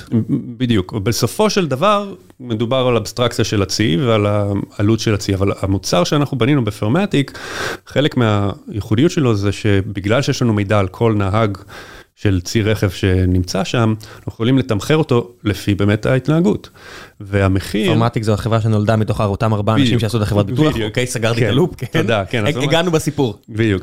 אמ, אז, אז בגלל שאתה יכול לתמחר את זה, אתה יכול לעשות, אמ, אתה יכול לעשות מחיר שמשתנה לפי ההתנהגות. ובדרך כלל כשאתה קונה, קונה ביטוח בארצות הברית לצי רכב, אתה קונה אותו לשנה. המחיר לא משתנה עד הריניול, עד לסוף השנה. יש אופציות? מה זאת אומרת אופציות? עשיתי איתך ביטוח. הביטוח הבא מתחיל from scratch, או יש לי אופציה להמשיך אותו? זאת אומרת, במודל, כי זה- כי זה, אני מתאר לעצמי, עשיתי הרבה תאונות, המודל שלך עכשיו רוצה להעלות את הפרמיה, כן, אז מה שקורה זה בסוף, רק בסוף השנה חברת הביטוח הרגילה עושה תמחור מחדש. אצלנו, בפרמטיק, התמחור קורה כל הזמן, והאינבויס מגיע פעם בחודש. זאת אומרת, אם החברה והנהגים השתנו בחודש הזה, נגיד, פיטרת עשרה נהגים, הבאת עשרה נהגים חדשים, תאונה. פי אלף יותר טובים או הרבה פחות טובים, המחיר שלך יהיה שונה בסוף החודש. והתוצאה של זה זה שפתאום יש לציי רכב, וככה זה מתחבר גם למשימה, למישן של החברה, לציי רכב פתאום יש אה, אינטרס פיננסי מאוד מאוד חזק לבחור נהגים יותר בטוחים, לתת להם Incentive. אינסנטיבס בשביל להיות יותר טובים, ובמידה והדברים מתחילים אה, להתחרבש, לשנות את ההתנהגות שלהם ולדאוג שהם מת- על מה אתה. מסתמך? על הטלפון הפרטי של הנהג? או על... אה, תלוי, תלוי בחברה, רוב, רוב החברות יש להם טלפון פרטי, אבל uh, יש גם חברות שיש להם טלפון שהם נותנים לנהג, אנחנו יכולים לעבוד גם ככה וגם ככה. ואתם יודעים להתריע כשמישהו עושה פולישטיק? כן, אבל זה לא קורה הרבה. כי זה העבודה שלהם. אה, אולי, אולי כי הם אמריקאים, לא יודע. רובם לא. אני אספר לך סוף. נכון. אולי הם יהיו אמריקאים אחד, אבל רובם נכון, לא נכון. אמריקאים. לא, אני חושב שהסיבה שזה לא קורה זה שפשוט רובם אנשים חרוצים שעובדים קשה ואין להם זמן להתעסק בזה. כן, זה מה שאמרתי לך, שאני הרגשתי הכי רע בתאונה ההיא, יצא שם נהג משאית מקסיקני, היספני כן. כלשהו, והוא היה כל כך בלחץ, אמרתי לו, תקשיב, אני לוקח אחריות מלאה, אני אשם, אני אשם כן. לוקח כלום למשאית, אני לא אגיד שהיית- בו בכלל. כן. כי זה-. הלייבליהוד שלהם. זה- הכי מפחיד בעולם. לא יודע אם חוקי לא חוקי, אבל נכון. אז בוא נעשה רגע rewind, כן. אז אחרי שלוש שנים שקיבלנו תוצאות, אז הלכנו לדירקטוריון של זנדרייב ואמרנו להם, זה התוצאות. ואנחנו לא כל כך מבינים בביטוח, אבל היו שם כמה אנשים שבאמת מבינים, ואמרנו להם, תוצאות טובות? לא, כאילו, מה אתם חושבים? אמרו לנו, תוצאות לא הגיוניות, כאילו, יש לכם... טובות מדי. טובות מדי, שמתם את הנקודה במקום לא נכון, אתם צריכים להביא כאילו אקטוארים וכל מיני מומחים שיבדקו את זה. אז הבאנו והמשכנו לרוץ על זה. מסתבר שהתוצאות היו נכונות. אה, ואז היה שיחה בדירקטוריון, מה עושים עם הדבר הזה? האם משאירים אותו בתור sandbox, או שסוגרים אותו כי כבר הוכחנו מה שרצינו להוכיח, אה, או שעושים לו ספין או שמוכרים אותו. ובדקנו את כל האופציות האלה, והדבר הכי, הכי חכם היה לעשות זה לעשות ספין. ואני החלטתי להצטרף לזה בתור העובד החמישי. איך עושים ספין לחברה בלי שהחברה הקודמת תרגיש ש- ש- ששדדו אותה? זאת אומרת, יש פה כל כך הרבה רגישויות. נכון. אה, דבר ראשון, משלמים הרבה יותר מדי לעורכי דינים. זה כאילו לקח יותר זמן ויותר כסף, כמו כל מכירה או קנייה או כאילו מהלך אסטרטגי שמשלב עורכי דין, לקח יותר מדי אה, הסחת דעת ובלאגן. אני מניח שבסופו של דבר זה נחמד שיש עורך דין, אבל זה לא פותר לך את הבעיה. הב- הבעיה בסוף זה להסתכל בעיניים לכל החבר'ה ולדעת שהכל בסדר. אה, נכון, זה דבר ראשון. דבר, שני, דבר שני, מה שעושים זה אה, צריך למצוא דרך לעשות incentive alignment. אז ל-Zendrive זה היה מאוד הגיוני לעשות את זה בגלל שאנחנו כבר הוכחנו מה שהוכחנו, והרבה יותר משמעותי ל-Zendrive אם יש לקוח שהוא case study live שהולך וגדל והוא נהיה יותר ויותר מפורסם, שהוא משתמש בטכנולוגיה, הוא נוצר בזכות הטכנולוגיה הזאת, זה היה מאוד הגיוני, וגם ל-Zendrive יש איזה אה, בעלות אה, מיינורית בחברה החדשה, אז יש גם איזה financial incentive בשבילם לעשות את זה. בסופו של דבר זה החלטה של הדירקטוריון, וההחלטה הזאת התקבלה, ואני אז דיברתי עם פנקה ג'קוף, רגע קשה? מה אתה אומר? רגע קשה או לא, לא עבר רגע טוב? קשה, לא, היה ברור, כאילו, בדקנו בצורה מתודית את כל הסוג... את כל האפשרויות שלפנינו, כמובן, אבל זה היה ברור שזאת הייתה החלטה. והיה ברור לך שאתה עובר? לא היה לי ברור, היה איזו תקופה שניהלתי את שתי החברות, וזה היה לי ברור אחרי איזה שנה וחצי שזה לא הגיוני לנהל שתי חברות בו זמנית. למה, אילון ו- מאסק אומר שלוש, ארבע. כן, אני, אתה יודע, לצערי ולשמחתי אני לא מאסק ולא רוצה להיות מאסק. כן. אמ, ו- והוא אבא לתשעה ילדים, תראה, הוא איזה... זהו, לי יש ילד אחד בן חמש, זה handful. כן, אני- אני ממש אוהב לראות ילד בן החמש שלי, אז אני- אז אני אומר כל אחד מה זה שלו. כן, אז, אה, אז מהבחינה הזאת אה, אה, זה לא היה חלק מהשאיפות שלי, ודיברתי עם ה-co-founder שלי שדווקא מאוד מאוד רצה להפוך להיות CEO אחרי עשור. התאים, והוא הוא עכשיו ה-CEO של Zendrive, ואני המשכתי עם פרמטיק, ולפני שנה וחצי עשינו את ה-spin-off הזה, ועכשיו אנחנו בערך 70 איש, אז גייסנו כאילו באמת אה, אנשים מדהימים. כי ו- המטרה שלכם? זאת אומרת, המטרה... עכשיו אחרי ה-spin-off זה באמת, אנחנו בונים חברת insurtech או tech insurance, תלוי איך אתה חושב, אנחנו חברת tech שעושה, שעושה insurance, אה, והמטרה שלנו מבחינת משימה זו אותה משימה שהייתה ל-Zendrive, שזה להפוך את הכבישים לבטוחים, אבל הצורה שאנחנו עושים את זה בצורה יותר ישירה. כמו, כמו שסיפרתי קודם, Zendrive הרעיון של לעשות enablement, לעזור לחברות אחרות לפתור את זה, וגם להישען עליהם בצורה מסוימת, כן. ועוד החברה הזאת זה כאילו vertically integrated, זה כאילו האייפון של האסטרטגיה הזאת, כי בערך חצי מהמיילים ש, שאנשים נוהגים בארצות הברית הם מיילים שקשורים בציי רכב. אז אם אתה יכול להפוך את המיילים האלה יותר בטוחים, אתה באמת מזיז את ה... move the needle, מה? אז הסתמכת. מזיז את המחט. כן, כן, תכף יש לי את ה-one on one שלי עם גיל, עוד 40 דקות, ואני אשמע- אני אשמע את זה שמונה פעמים. אה, עד כמה וולמרט ואמזון גדולים מהשוק, מהשוק הזה של ציי הרכב? הם עצומים, אה, וזה, האמת היא, זה גם, זה חלק מה... ופדקס, אני יודע. כן, זה, זה גם חלק מהבעיה שהחברות האלה, מתי שהן מגיעות, מתי שהן מגיעות לסקייל מסוים, הן כבר לא קונות ביטוח צד שלישי, הן מבטחות את עצמם. בוודאי. זאת אומרת, אף חברה ענקית, האבסים של העולם, אין להם חברת ביטוח כי אם כבר כל הדאטה אצלך ואתה לא משתמש בו, מישהו צריך להיות מפוטר. נכון, אז, אז, אז החברות האלה מצד אחד הן לא קונות ביטוח צד שלישי, אז אנחנו לא נוכל לעזור להם, אבל אה, ניחא, אבל זה ניחא, החלטה שלך, אתה כן, יודע. לא, אולי, אבל, אבל ניחא זה לא, לא כזה רע, בגלל שהחברות האלה כבר מבינות כמה שחשוב בטיחות בדרכים ומשקיעות בזה טכנולוגית ואינסנטיבס וכולי. זה, זה, אופ- זה אופן אישו, יצא לי לקרוא כמה מאמרים על זה, זאת אומרת זה ממש עניין אקדמי, משפטי, של עד כמה נהגים של אמזון, שהרבה מהם הם עובדים של אמזון, שזה איבי או וולמרט, זה המעסיקות הכי גדולות בארצות הברית היום, עד כמה הם אה, מעורבים בתאונות. אז מי שרוצה לטעון שהם מעורבים יותר, מציג את הנתונים כאילו ככה, וראיתי מחקרים אחרים שמראים שהם הם מעורבים הרבה פחות ביחס לסטטיסטיקה, זאת אומרת, נכון, נשארתי קצת מבולבל. אז לא, אני חושב שהתשובה היא, התשובה היא יחסית ברורה, זה חברות שהן קפיטליסטיות והמטרה שלהן היא למקסם רווחים. אז הן בדיוק מנסות למצוא את, ה, את האיזון שבין הנהגים צריך להיות באטרף ולעשות כמה שיותר שליחויות, לבין לעשות כמה שפחות תאונות. והם יחסית data driven, הם כאילו מוצאים בדיוק, מנסים לתפור את זה. יחסית? הם יחסית, כן. אוקיי, אתה עומד מאחורי ה... כן, כי בכל זאת זה כאילו ההתמקצעות שלנו, זה מה שאני עושה בעשור האחרון, ואמזון התחילו לחשוב על זה לא מזמן. דרך אגב, הרבה מאוד מהציי רכב שאנחנו עובדים איתנו זה ציי רכב של אמזון, כי המודל שלהם זה לא רק עובדים של אמזון full time, אלא גם יש להם עובדים כאילו ציים של independent contractors כאלה שבונים חברות אמזון, שמים את הלוגו של אמזון על ה-van שלהם והולכים לעשות שליחויות. כן, זה נכון גם לשטחים מסחריים שהם סוחרים היום, שזה לא הכל שלהם, ומה לעשות שזה ארגון שקשה שהכל יהיה בבעלותך. כן, זה הרבה יותר capital efficient, ב-scale הזה זה משנה. והריבית עולה, הריבית כן, עכשיו, בדיוק. עכשיו שהריבית עולה, הרבה עושים offload, כי אתה לא רוצה בספרים שלך, נכון. להיות עם כל כך הרבה, יש פה משחק של בין COGS ל-OPEX, ומי שלא CFO זה פחות יעניין אותו, זה כבר נהיה מאוד geeky. לא, אבל זה אתה- נורא חשוב. אבל יש, יש יש, לזה השפעה השפעה עצומה גם יש על... GAAP, יש, בדיוק. בסוף יש כללים חשבונאיים מאוד ברורים, כן. והם קובעים את החוקים, כן. ולא משחקים עם הדברים האלה, אז כשהריבית עולה, עושים offload לדברים האלה, נכון. ואנשים ממשיכים לעבוד באמזון, הם פשוט לא יהיו עובדי אמזון. נכון, הם לא יודעים שהם עובדי אמזון, או שהם חושבים על עצמם בתור איזה מין hybrid כזה. אז אה, ואתם עובדים עם החבר'ה האלה, אז אנחנו עובדים עם החבר'ה האלה. וה-KPI שלכם הוא בסוף להוריד תאונות. ה-KPI שלנו להוריד תאונות, וה-KPI שלנו הוא להגדיל את הפרמיות, וה-KPI שלנו הוא אה, להיות ב-loss ratio הכי טוב בעולם. עד, עד איפה אה, מגיע, כן, הלוס רשיו מן הסתם כחברת ביטוח, זה מה יש, אה, איפה מגיע המקום שבו אתם עושים התערבות אקטיבית? זאת אומרת, ממובילאיי ואחרות, עד כמה אתה בסוף רוצה רק לנטר, ועד כמה אתה רוצה באמת להתערב. אה, אני כן רוצה להתערב, אנחנו לא עושים הרבה מזה עכשיו, יש לזה כל מיני סיבות. אה, הסיבה העיקרית הוא שבעולם ה, הביטוח של ציי רכב, יש אקו סיסטמה נורא נורא עשירה של סוגים של ציי רכב. יש לך שרברבים, יש לך אנשים שמנקים חלונות, יש לך, אה, אני יודע, אנשים שמביאים ציוד ל, ל, לח- ל, למשרדים, זה כאילו, כל אחד הצרכים שלהם והמערכת יחסים שלהם עם העובדים היא קצת שונה. ואם אתה הולך ומנסה לפתור את, ה, את הבעיות של הבטיחות בדרכים של כולם באותה צורה, אתה בטוח ת, תעצבן המון המון אנשים, ואחד הדברים שכל ציי הרכב או ה... או ה אה, SMBs והעסקים שאנחנו עובדים איתם אומרים, זה המערכת יחסים שלי עם הנהגים או העובדים היא מאוד מאוד חשובה, אל תעצבן לי אותם. תגיד לי אם מי יש בעיה, תיתן לי עצה ואני אחליט מה לעשות. יש שקוף. כן, אל תמשוך תשומת לב.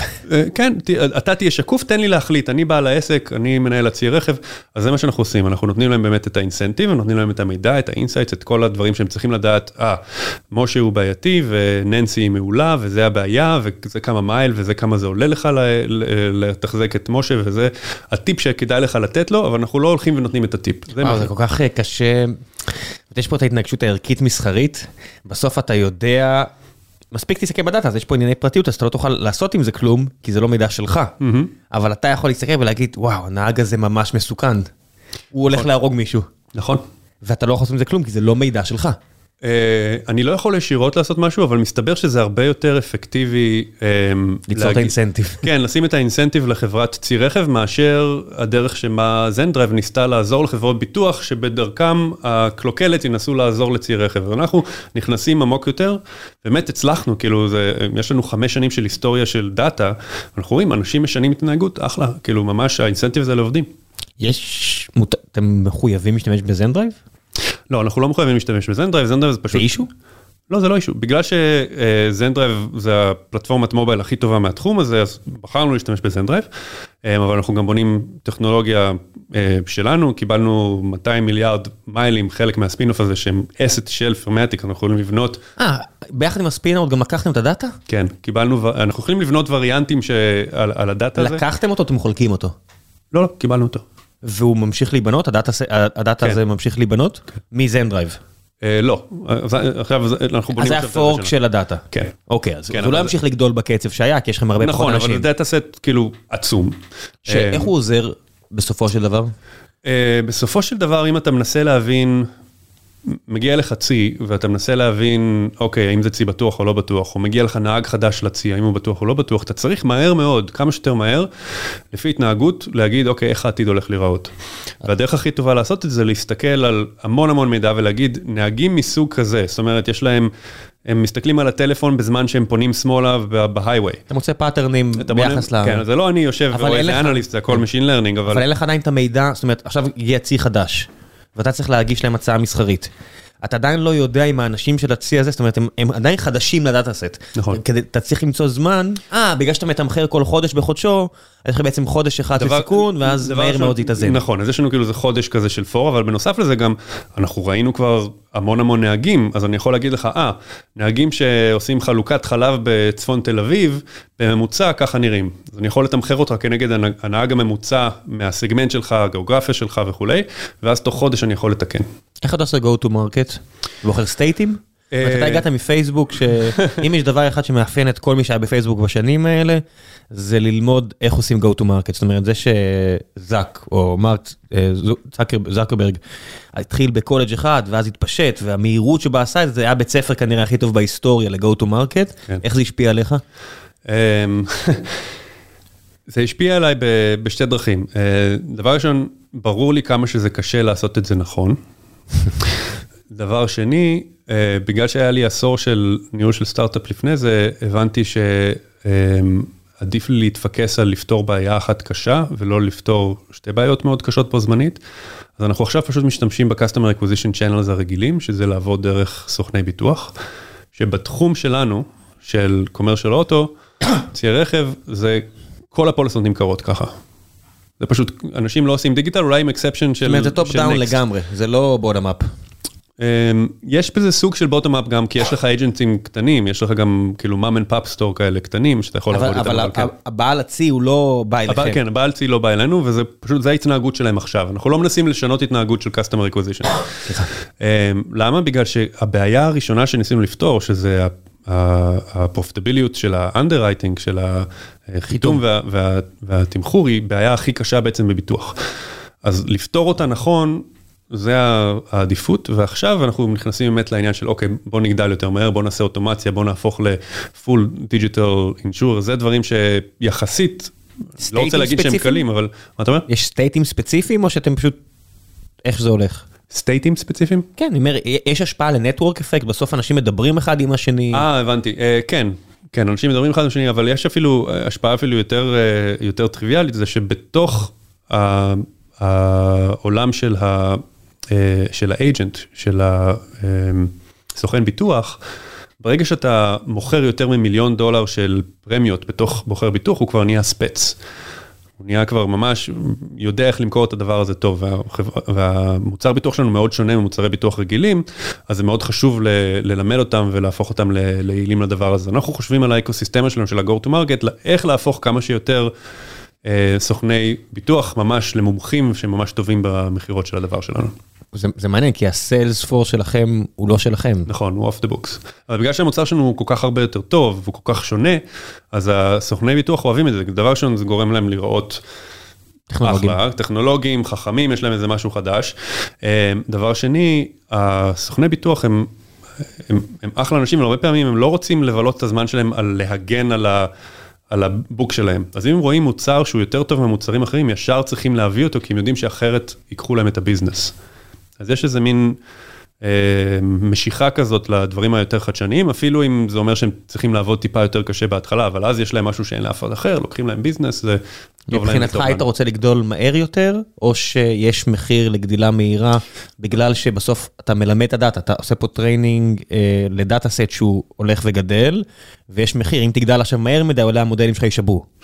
אה, יש מחיר לגדילה מהירה מדי, זה לא, זה לא המחיר שאתה דיברת עליו, למרות שהוא גם קיים. אה, בעולם הביטוח, כמו בעולם ההלוואות, אתה יכול לגדול מהר מאוד בקלות, אתה פשוט מתמחר לא נכון. תסבסד את השוק. בדיוק. אם תשאיר ארביטראז' בעולם הנוכחי, מישהו יבוא וי- ויגנוב אותו מהר מאוד. בדיוק. זה החוק. בדיוק, אז אם אתה פשוט רוצה לגדול, פשוט תמכור ביטוח יותר בזול מדי. זה מה שהיה. נכון, אז, אבל זה דבר ראשון בלתי אפשרי, דבר שני, לדעתי לא חכם. אז, אז הצורה שבה אנחנו גדלים, הפוקוס שלנו הוא לגדול ועדיין להחזיק ב loss ratio הכי טוב בעולם.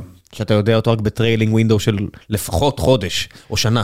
אה, כן ולא, בגלל שיש לנו דאטה שהוא מתעדכן. הוא מתעדכן וגם הוא future indicative, אנחנו יכולים להגיד, אה, לפי ההתנהגות של נהגים עכשיו, מה הולך להיות ה loss ratio בעתיד.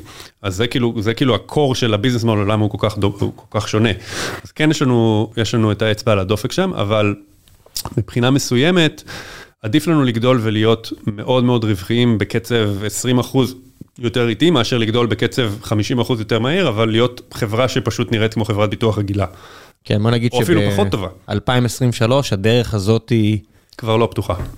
גם לא פתוחה וגם המשקיעים יחבבו את הדרך שאתה ציינת הרבה הרבה הרבה הרבה יותר. כן. זה לא אומר שב-2024 אם נכון. הנשיא טראמפ יחליט להוריד את הריבית כי הוא רוצה להיות נחמד או לא יודע מה, זה נכון. לא ישתנה לגמרי. נכון, ו... אבל הרבה יותר קל להגיד, אוקיי, אני מפעיל את המבערים, מאשר להגיד, אוקיי, אני צריך עכשיו לשנות, לעצור, ו... ואני נכון. חושב שזה אחת הדילמות וה... והקשיים של חברות מדהימות כמו נקסט ולמונייד ואיפו וכאלה, שבנו משהו שהוא מדהים ב-customer acquisition וב-user experience ו-user כן, כן, value. אלון אבל חורי עכשיו היה צריכים- כאן והסביר על זה, הוא היה- הוא ה-CTO, והוא יותר ה-CMO של- של נקסט, כן. וזהו, הוא בנה מכונת customer acquisition מדהימה, שהיא טובה לריבית אפס. כן. ועכשיו צריך להיות רווחי, וזה הרבה הרבה יותר קשה להאט. מאשר להאיץ. בדיוק, ובמקרה גם הסגמנט שאנחנו נמצאים בו, כמו שהסברתי, אין שם את האופציה של digital customer acquisition, בגלל שכולם שם קונים דרך הסוכני ביטוח, אתה יכול ללכת ולהמציא את זה, אבל זה כאילו, זה סטארט-אפ אחר.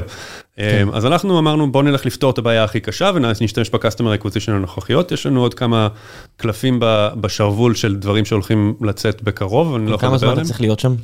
מה זה, אתה איפה שם? אתה חי ליד ליסבון. כן, איפה זה אתה שם? מנהל חברה שרוב המוחלט של, כל הלקוחות של ארצות הברית. כן, אתה עדיין יושב בדירקטוריון של זנדרייב? כן. איך אתה מתנהל? אמ, יש המצאה כזו שקוראים לה זום כן, שעובדת אז אתה מסתמך פשוט על וידאו? אה, לא, אבל אני, כמובן, אה, אני עובד אה, בווידאו המון, ואני גם טס הרבה. אני בארץ פעם, פעמיים ברבעון, אני בארצות בארץ הברית. למה? אה, כוח פיתוח פה? כן, פתחנו פה משרד, ויש פה אנשים מדהימים, וממשיכים לגדול פה יחסית מהר. אה, וב, אה, ובארצות הברית, אה, אני כן, לפחות פעם ברבעון, ויש לי קבוצות ולקוחות, ובקרוב אנחנו גם אה, נוסעים להודו, ששם גם יש לי עובדים, אז כאילו, כל העולם בעצם, לצערי, יש לי הרבה מיילים, אבל... אה, זה. גם נחמד לפעמים. זה נחמד, פחות נחמד ש- שיש לך ילד שלא רואה בדיוק, אותך. כשיש לך ילד בן חמש, אז אתה מרגיש יותר כבול ויותר שאתה רוצה להיות בבית, אבל כן, זה נחמד לפעמים. כן, יש לי איזה... אם מישהו רוצה לראות את הצד השני של הדבר הזה, יש לי איזה מכר שהבן שלו פעם העניש אותו והתחיל לקרוא לו בשם הפרטי שלו ולא אבא, כי הוא. נעלם. וזה נשאר עד היום. וואו. הרבה שנים אחרי. אה, זה כבר לא כאילו כן, זה פשוט המערכת יחסים ביניהם, אבל כן. it is what it is. כן. אה, כן, יש מחיר לכל החלטה שאנחנו עושים בחיים, טוב ורע. אה, יאללה, שלב אחרון בפרק, בגלל שאתה טס כל כך הרבה, בטוח יש לך המלצות, ספרים, סדרות, אה, וואו. פודקאסטים, כל מה שבא לך, אין לי רגולציה. דבר ראשון, אה, אתם מחפשים עובדים? אה, בוודאי. אז כן. תספר על זה, אה, ואז אה, המלצות תרבותיות. אוקיי, מעולה. אז כן, אז אנחנו פה בהאצה של המשרד בארץ. אם אתה חושב על סוג האנשים וסוג הדברים שאנחנו עובדים עליהם, אנחנו עובדים על דברים בתחום של risk, שזה Data Science ו-Data Engineering ופרודקט של Data Science ו-Data Engineering, ואנחנו עובדים פה על תחום של Claims, שזה בעצם full stack, יש לך אוטומציה, יש לך Data Science, יש לך fraud, יש לך front-end, back-end, בוטים, כאילו כל הדברים שאתה יכול לדמיין, אז זה כאילו המון המון הזדמנויות שם. אה, משרדים בתל אביב? אה, כן, משרדים בתל אביב, אנחנו עוד לא פתחנו אותם, אבל אתם הולכים להיות בתל אביב. אה, מודל הייבריד, שלושה ארבעה ימים בשבוע. איך זה הייברידים עדיין לא פתחתם? זה המודל שהולך להיות. אה, הולך להיות. כן. ומה הם עושים עכשיו פולי רימוט? עכשיו פולי רימוט, כן. ויש לנו, אנחנו לדעתי נהיה אה, 30 ב- אה, בשנה הבאה, אה, אז יש לנו תוכניות יחסית גדולות של גדילה. עכשיו, פודקאסטים ו- וספרים, אני נורא רוצה להשחיל את זה. למה אה, להשחיל? זה המקום. אוקיי, זה המקום. אה, אפס רגולציה. אוקיי, אז אני בן אדם שמאוד מאוד אוהב science fiction, אז אה, הספר sci-fi הכי טוב שקראתי בעשור האחרון זה ה-Three Body Problem, לא לא יודע אם פיצצתי את השכל, לא, דיברתי עליו פה כמה פעמים, היה פה איזה פרק לא מזמן עם נטע גורביץ', שהיא, אה, היה פרק רק על ספרים, ופיצץ לי את השכל. כמו- כמו חולית, כן. הסוף, כשהוא בורח קדימה, קדימה, קדימה לעתיד, אה, או כמו אנדר, או כמו הרבה סדרות ספרים, אז מתישהו ה-suspend of disbelief מתחיל, אני לא אכנס למה קורה כן. שם בדיוק, אבל... אה, זה נהיה פסיכודלי לחלוטין, כן. כן, כי... שמע, מאז עליז, עליזה בארץ הפלאות, המאה ה-20, ברגע שפיזיקה איבדה אה, קשר אובייקטיבי למה שאנחנו חווים, כן. אז התחילו כל מיני דברים, ומלואיס קרול ופרנק הרבר וכולם, המתח הזה בין לרכב על הטירוף לבין להישאר אה, מחובר, להיות גראונדד. אז פה, וזה סופר סיני שאני לא יודע לבטא את שמו, אתה יודע? אה, אה, סוזון צ'ין אני חושב, אבל כן, לא יודע. קדימה, אז אני, אני לא מנסה, אה, אבל הוא בספרים הראשונים, זה חוויה. זאת אומרת, כן, זה, מאוד שונה. היסטורי בעצם בהתחלה. זה מאוד שונה. כן. מח... זה, זה חלקים באנושות, זה ממש כן. פרקים ב... בחיי האנושות, ו...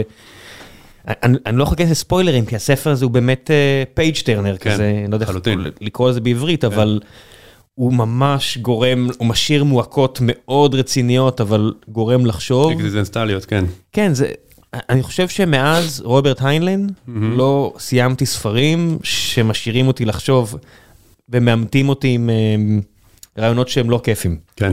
זאת אומרת, שאתה חי, בטח שאתה חי בארצ- בארצות הברית או מערב ארצות הברית, כן. יש, או, או לא יודע מה, מקומות אחרים, אבל זה בעיקר שם, יש תלם רעיוני מאוד מאוד עמוק. יש טוב ויש רע. כן. זה כזה עולם של סטאר כן. וורס. יש את הרפובליקה ויש כן. את המורדים, יש את האימפריה ויש את המורדים, כן. ואז אתה קורא ספר כזה וזה ממש לא, וממש מורגש שהספר יצא ממדינה כמו סין, נכון. ממש. אז אז זה ספר כאילו שהם... סדרת הוא- ספרים. הוא- הוא- כן, זה שלושה ספרים מדהימים שקראתי אותם איזה ארבע פעמים, וממש כאילו כל פעם נכנסתי יותר עמוק, וגיליתי, אני לא יודע אם, אם, אם יצא לך לגלות את זה, אבל יש פנבוק, מישהו שכתב, אה, אה, או אה, גרופי של, הספר הזה, שזה בעצם הספר הרביעי, שהסופר המקורי נתן לו אשרור ואמר, וואלה, אם אני הייתי כותב את זה, הייתי כותב את זה משהו דומה לזה. איך זה נקרא? אני לא זוכר, נראה לי end of time, משהו כזה. וואלה, מאז, פשוט מאז חולית וה... וההמשכים של הבן שלו, נורא קשה לי עם... אה, אז כן, לא- אני לא מסכים עם ה... אני לא מסכים שזה טוב כמו השלושה הראשונים, אבל זה כן, אם אתה באמת גיק של, הסיפור הזה, זה שווה לקרוא. ועוד בעיה, זה שכשאתה קורא את זה באנגלית, אני לא יודע אם יש תרגום לעברית, אני לא חושב, אוקיי. כשאתה קורא את זה באנגלית, זה מתורגם. נכון. אז אני אומר, טוב, הכתיבה פה היא לא מדהימה, אבל אז אני נזכר, טוב, זה מתורגם מסינית. מסינית, fucking אז מאוד יכול להיות שהוא שהוא כותב את זה מדהים בסינית. נכון. אז בת לא הזוג. שלי היא סינית, ו- אבל היא קראה את זה רק באנגלית, והיא היא כאילו נגנבה מהאלגוריות וההשלכות על ההיסטוריה והסיפורים. יש שם גם הרבה חיבור לתרבות הסינית. אה, שמע, אני אף פעם, לבושתי או לבורותי, או לא יודע מה, אף פעם לא קראתי ספר שהגיבורים הם דמויות סיניות. כן. עכשיו, זה לא חלק כזה משמעותי, אם זה, אל, ת- אל תורתעו. אני לא חי את התרבות הסינית, אני לא מכיר את המשלים ואת כל הדברים האלה, וזה לא בעיה, זה כמו לקרוא את חולית, כן. ואת כל הרפרנסים ליהדות, אסלאם, אה, זאת אומרת, אני לא, לא לעשות ספוילר, אבל בספר השישי של חולית יש קידוש. כן. כאילו, 50 אלף שנה בעתיד יש סצנה של קידוש. אה, אז פה זה לא ככה, זאת אומרת, החלק הסיני הוא לא משמעותי, אבל הוא קיים. נכון. הוא קיים, נכון. והחלק מהעלילה הוא בערים סיניות, לא היה דבר כזה. נכון. זה לא, לפחות אני לא נחשפתי לזה בעבר. ואין אין אינדוקרינציה של, של קומוני, לא, אפילו, לא יודע. לא, להפך, כן. האמת, האמת זה לא להפך, יש פה רעיונות של קולקטיביזם ו, וההשפעה שלהם, של בן אדם אחד מחליט לטובת האחרים, בלי כן. להיכנס, והיתרונות אולי מה והחסרונות. שקרה שם באוסטרליה זה קצת אה, אה, criticism של קפיטליזם, לא יודע אם אתה זוכר את ה... כן, אמ, יש כל מיני כן, כיוונים, כן. ובגלל שהספר רץ והוא פורס את העתיד, סטייל סטארטרק, גם סטארטרק, יש, כן. אם אתם רואים את הסדרות ואוספים את הפרטי מידע, אז עד שהעולם נהיה האוטופיה הזאת, המושלמת של סטארטרק המאה ה-24, שזה לא כזה רחוק, ואני כן. לא...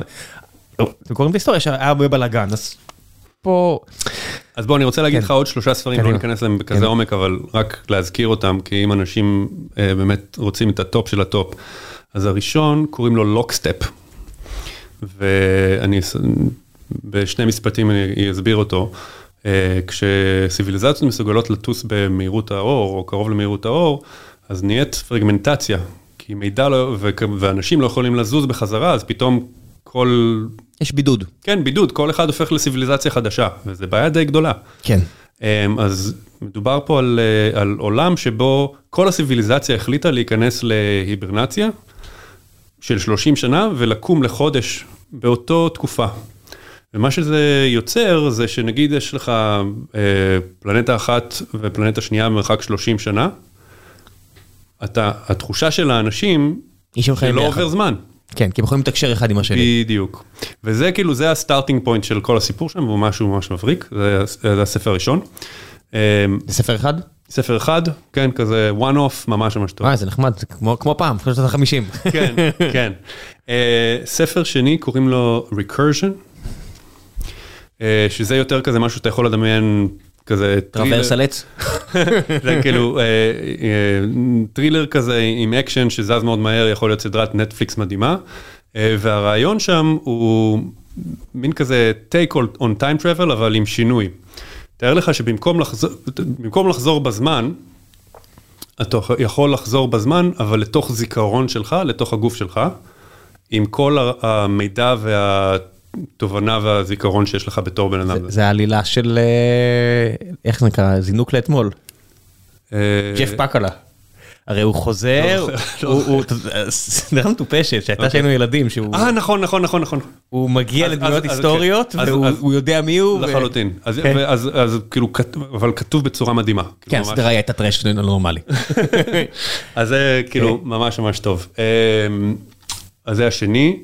אמ, כמה, אני אני עדיין בטרי אני פתאום נזכר בכל מיני רעיונות, אתה יודע, אפילו העניין של דארק פורסט, כמה זה רלוונטי כן. במציאות היום של מעצמות שהעובדה שעכשיו כולם בעולם גלובלי חולקים מידע, כן. ומה זה גורם. נכון. ואז פתאום מחליטים להגיד, טוב, סינים, אין לכם עכשיו אה, טכנולוגיה. צ'יפים, ש- אנחנו חיים בעולם כזה. נכון. ולמה זה יגרום. נכון. כן, טוב. והאחרון, אה, The Power. ספר? The Power, כן, שזה אה, קצת יותר פנטזיה ממדע בדיוני, אבל אה, עם, אה, עם ביקורת על החברה שלנו. הרעיון הוא שיום אחד, אה, בעתיד הלא רחוק, אה, זה טינג'רית קמה בבוקר, ויש לה איזה וירוס, וכואבת לה היד וזה, ו...